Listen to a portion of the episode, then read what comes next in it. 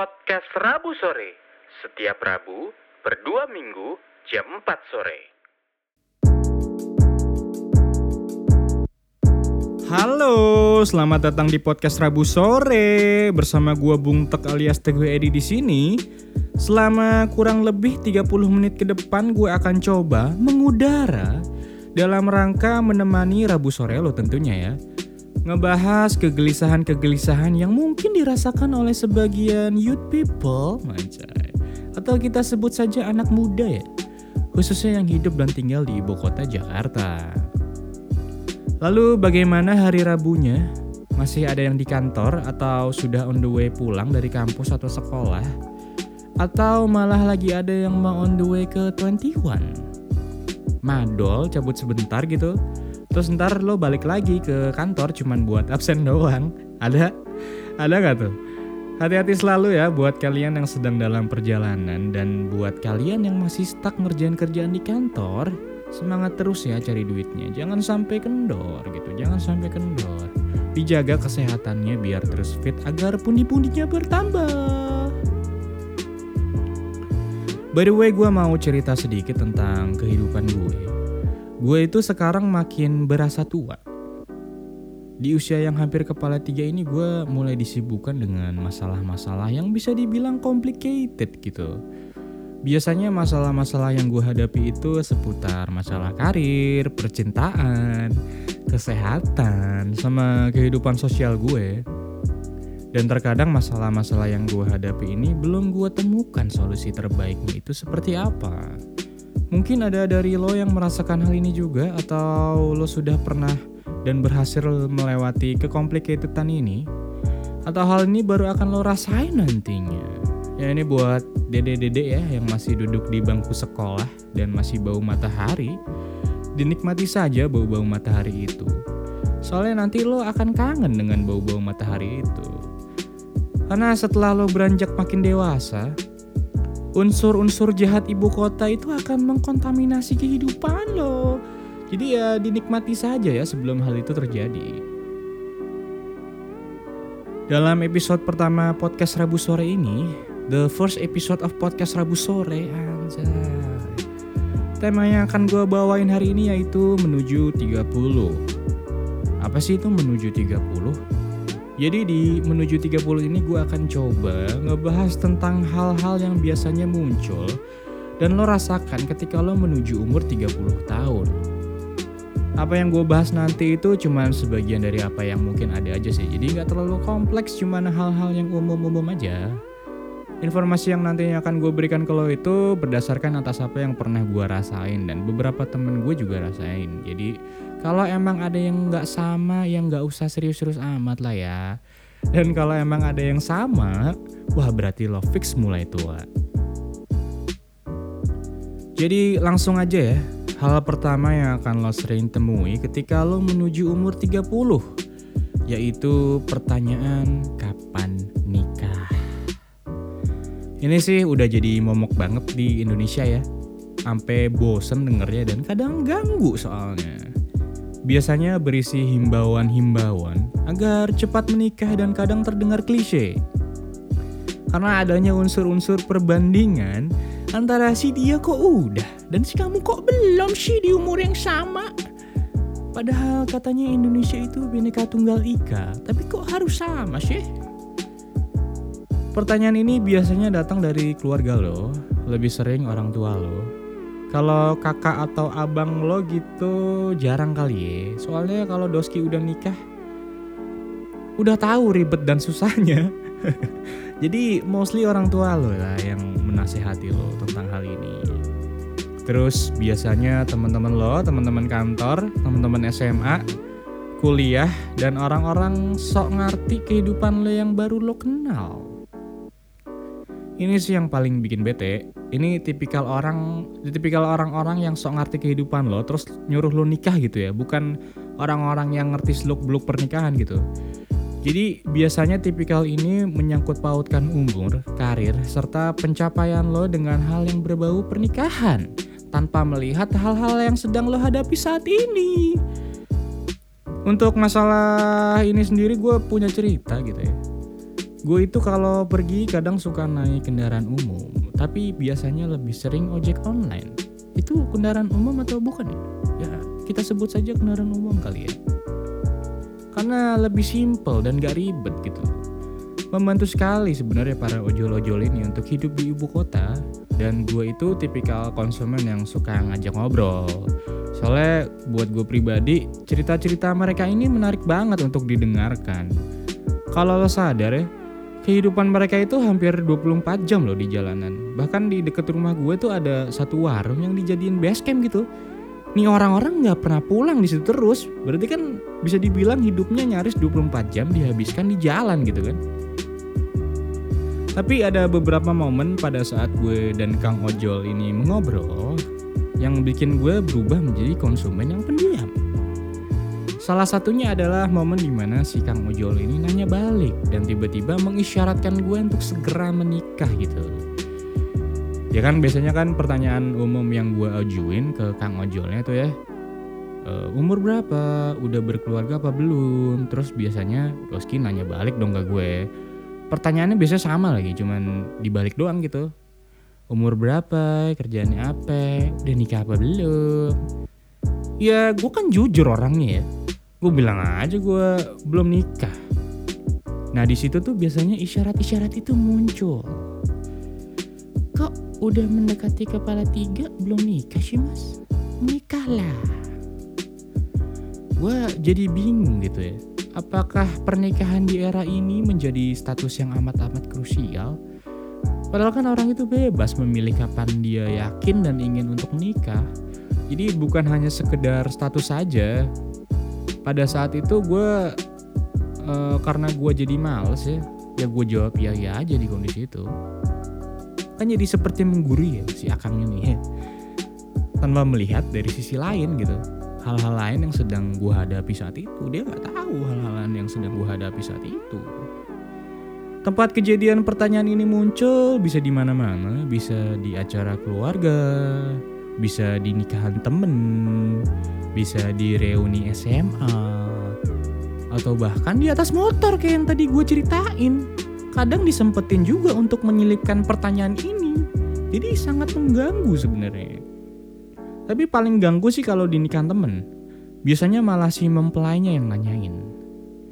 Kalau lo pernah datang ke nikahan orang gitu ya, temen lo kayak saudara lo kayak gitu nikah, apa jangan-jangan lo nggak pernah datang ke nikahan orang? Aduh, sedih banget sih lo hidup lo. Lo nggak pernah merasakan ngantri-ngantri cantik di stand kambing guling sama dimsum. Lo nggak merasakan kegelisahan-kegelisahan kehabisan makanan itu. Aduh sayang sekali.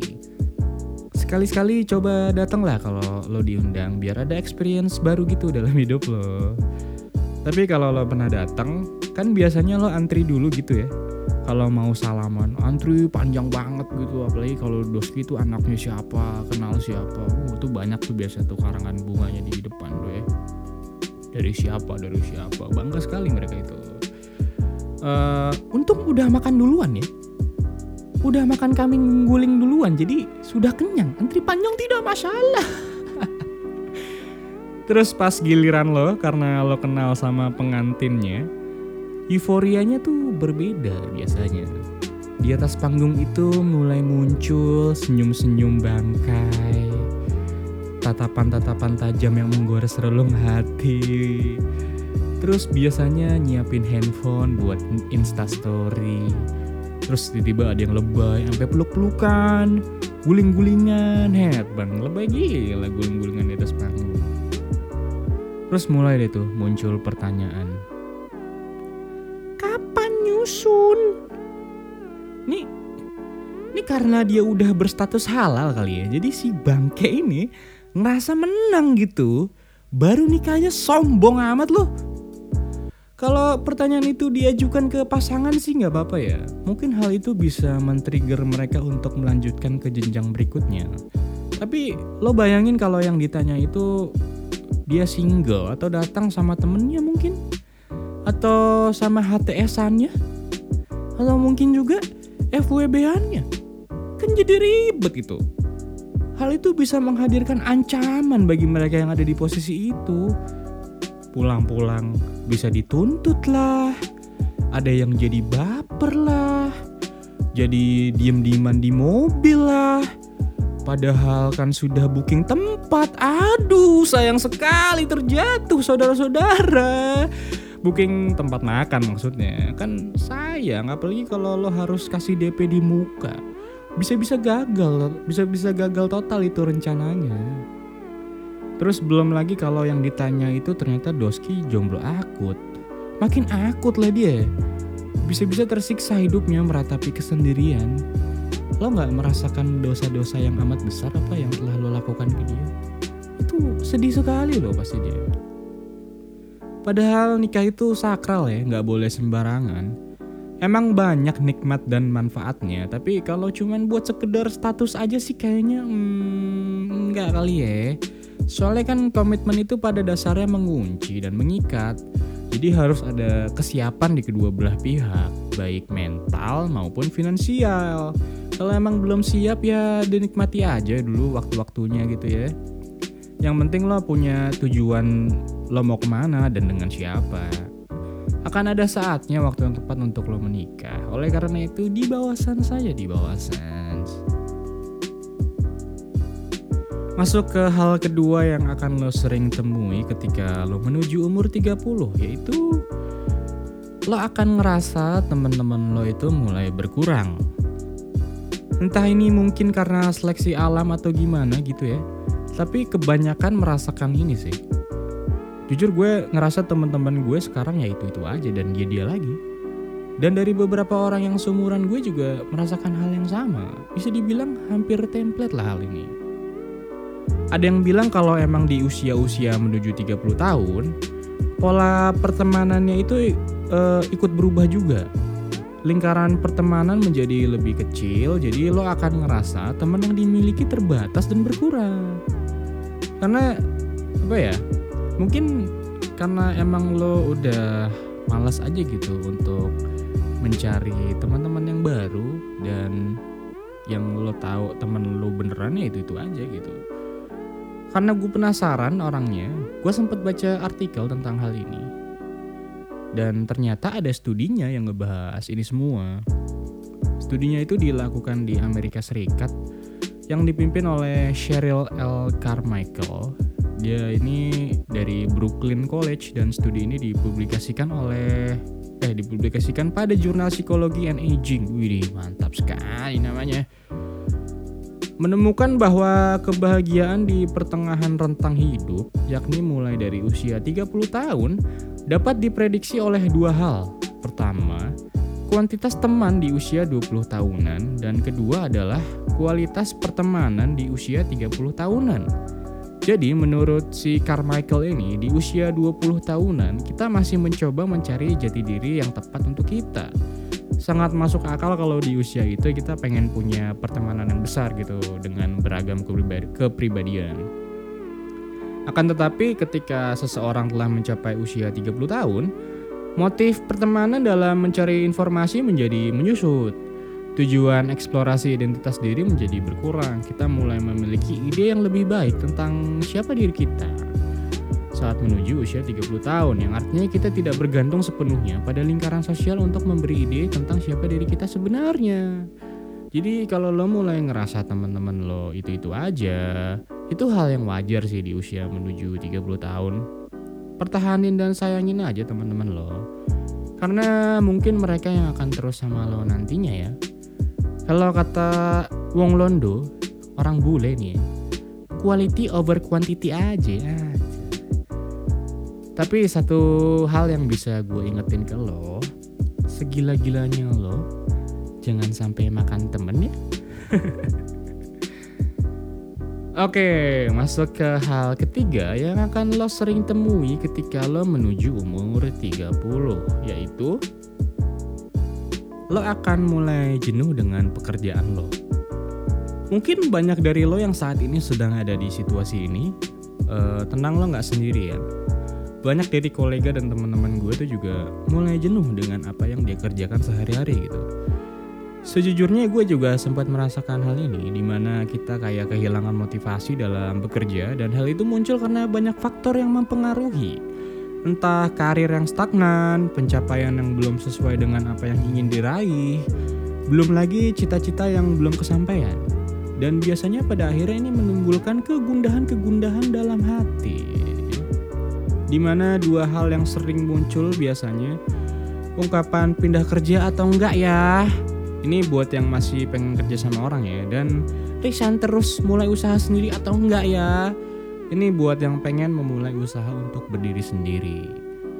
Kalau gue lihat mungkin nih ada sangkut pautnya juga sama poin kedua tadi di mana lo sudah mengerti siapa lo sebenarnya dan tidak bergantung lagi pada lingkaran sosial lo. Hal ini membuat lo mulai mengejar apa yang pengen lo kejar dan raih dalam hidup lo, khususnya karir mungkin ya. Jadi sebenarnya ini tentang diri lo sih, tentang lo mau jadi apa atau siapa dan dengan cara apa. Di posisi ini kita mulai pengen mencoba peruntungan yang lebih, tapi kadang eh, bahaya. Bahayanya itu suka menjadi blunder gitu. Di posisi ini kita ngerasa diri kita sudah cukup untuk mencapai sesuatu yang lebih, tapi pas kita coba kita lupa kalau di atas langit itu masih ada langit. Gak akan selesai gitu proses pembelajarannya dan kalau uh, lo belum siap, belum siap mental buat ngadepin masalah-masalah yang nantinya akan muncul, lo itu bisa malah jatuh, terus sakit dan malas bangkit. Ini yang gue bilang blunder sih.